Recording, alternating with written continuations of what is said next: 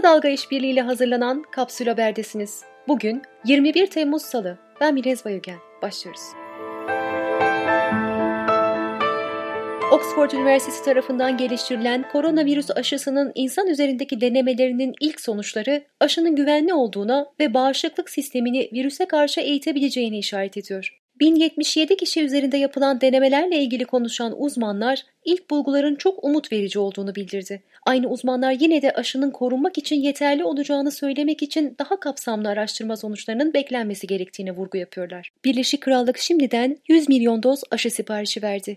Dünya Sağlık Örgütü aşının kitlesel kullanımının en iyi ihtimalle 2021 yılı yaz aylarında bulabileceği pandemiyi bitirmek için aşının koruma oranının %70'in altında olmaması gerektiğini söyledi. Örgüte göre 20'ye aşkın aşı adayı üzerinde klinik araştırmalar yürütülüyor. Türk Tabipleri Birliği de Sağlık Bakanlığı'nın aşı çalışmaları hakkında kamuoyuna bilgi vermesini istedi. Koç Üniversitesi'nden Ali Çarkoğlu, Ayasofya'nın ibadete açılmasıyla şeriat tartışmasının 28 Şubat'ı anımsatır şekilde yeniden gündeme geldiğini yazdı. Son 20 yıldır anket çalışmaları yaptıklarını belirten Çarkoğlu, 2002 seçimlerinden önce kamuoyuna Türkiye'de şeriata dayalı bir din devleti kurulmasını ister miydiniz diye sorduklarını ve soruya evet yanıtı verenlerin %19 ile 24 arasında olduğunu tahmin ettiklerini aktardı. Çarkoğlu zaman içerisinde bu oranın %4 ila 9'a kadar gerilediğini hatırlatsa da yazısına şöyle devam etti. 2019 yılındaki saha çalışmasında ise bu oranı yeniden %17 ila 22 aralığına yükselmiş buluyoruz. Ankara Büyükşehir Belediyesi'nin eski başkanı Melih Gökçek'in belediyenin hafriyat işini oğlu Ahmet Gökçek'in kurucu başkanı olduğu Osmanlı Spor'a verdiği ortaya çıktı. Belediye konuyla ilgili suç duyurusunda bulundu. Orman Genel Müdürlüğü verilerine göre orman yangınlarında geçen yıl 11 bin hektarlık alan kül oldu. Yangınların %49'u faili meçhul kaldı. Türk Mühendis ve Mimar Odaları Birliği Şehir Plancıları Odası, Bomonti Bira Fabrikası'nın Diyanet'e devredilen binalarında hukuksuz yıkım yapıldığını ve yargı sürecinin halen devam ettiğini söyledi. Cinsel saldırıyla suçlanan HDP Mardin Milletvekili Tuma Çelik partisinden ihraç edildi. İzmir Büyükşehir Belediyesi Başkanı Tunç Soyer, belediyenin bir binasının rengarenk boyanmasına tepki gösteren AKP'li Hamza Dağ'a yanıt verdi. Renklerle kavga edildiğini ilk kez görüyorum. MHP Ordu Milletvekili Cemal Engin Yurt'u Tarım ve Orman Bakanı Bekir Pakdemirli'yi fındık fiyatları üzerinden eleştirdiği sözleri nedeniyle kesin ihraç talebiyle disipline sevk etti. Türkiye İstatistik Kurumu verilerine göre gazete ve dergilerin tirajı 2019 yılında 2018 yılına göre %8 azaldı. Böylece 10 yıl içinde Türkiye'deki gazete ve dergilerin tirajı yarıya indi. İzmir'in Urla ilçesinde iki günde 4 yunus öldürüldü. Hayvan Hakları Federasyonu'na göre yunuslar balıkçılar tarafından vuruluyor.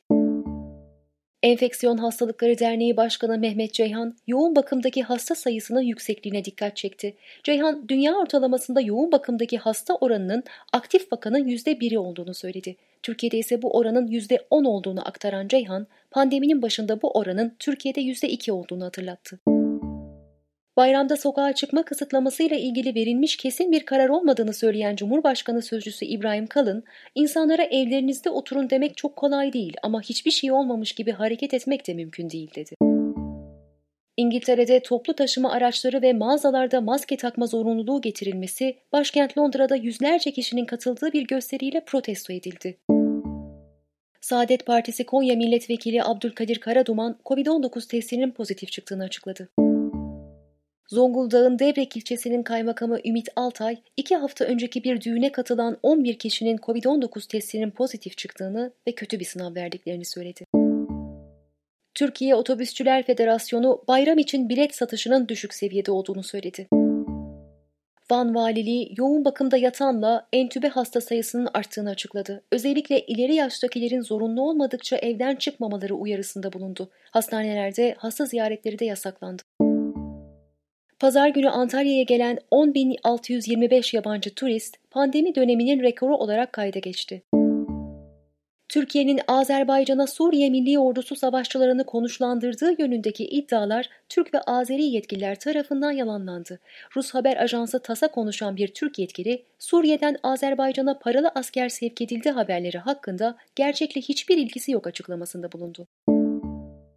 ABD Başkanı Donald Trump, Kasım ayında yapılacak seçimlerin sonuçlarını kabul edip etmeyeceğiyle ilgili bir soruya görmem lazım şeklinde yanıt verdi.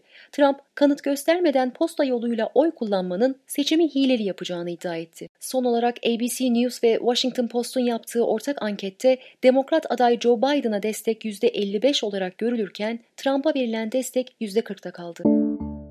Belçika'da yapılan bir araştırmaya göre çok fazla porno filmi izlemek erkeklerde ereksiyon sorunlarına neden oluyor. Araştırmaya katılan 35 yaş altı erkeklerin üçte biri gerçek cinsel ilişki yerine pornoyu tercih ediyor.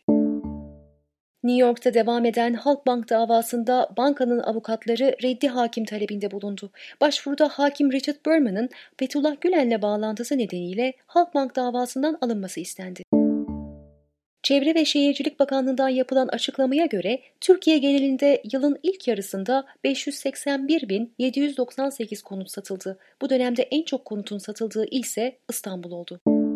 Sahibinden.com verilerine göre Temmuz ayına ait ilk 15 günde satılık iş yeri ilanı bir önceki yılın aynı dönemine göre %51 arttı. Günün sözüyle kapatıyoruz. Tesislerdeki odasına gizli kamera yerleştirerek cüzdanından para alan kişiyi tespit eden Beşiktaşlı futbolcu Vida. Cebimdeki parayı bilirim.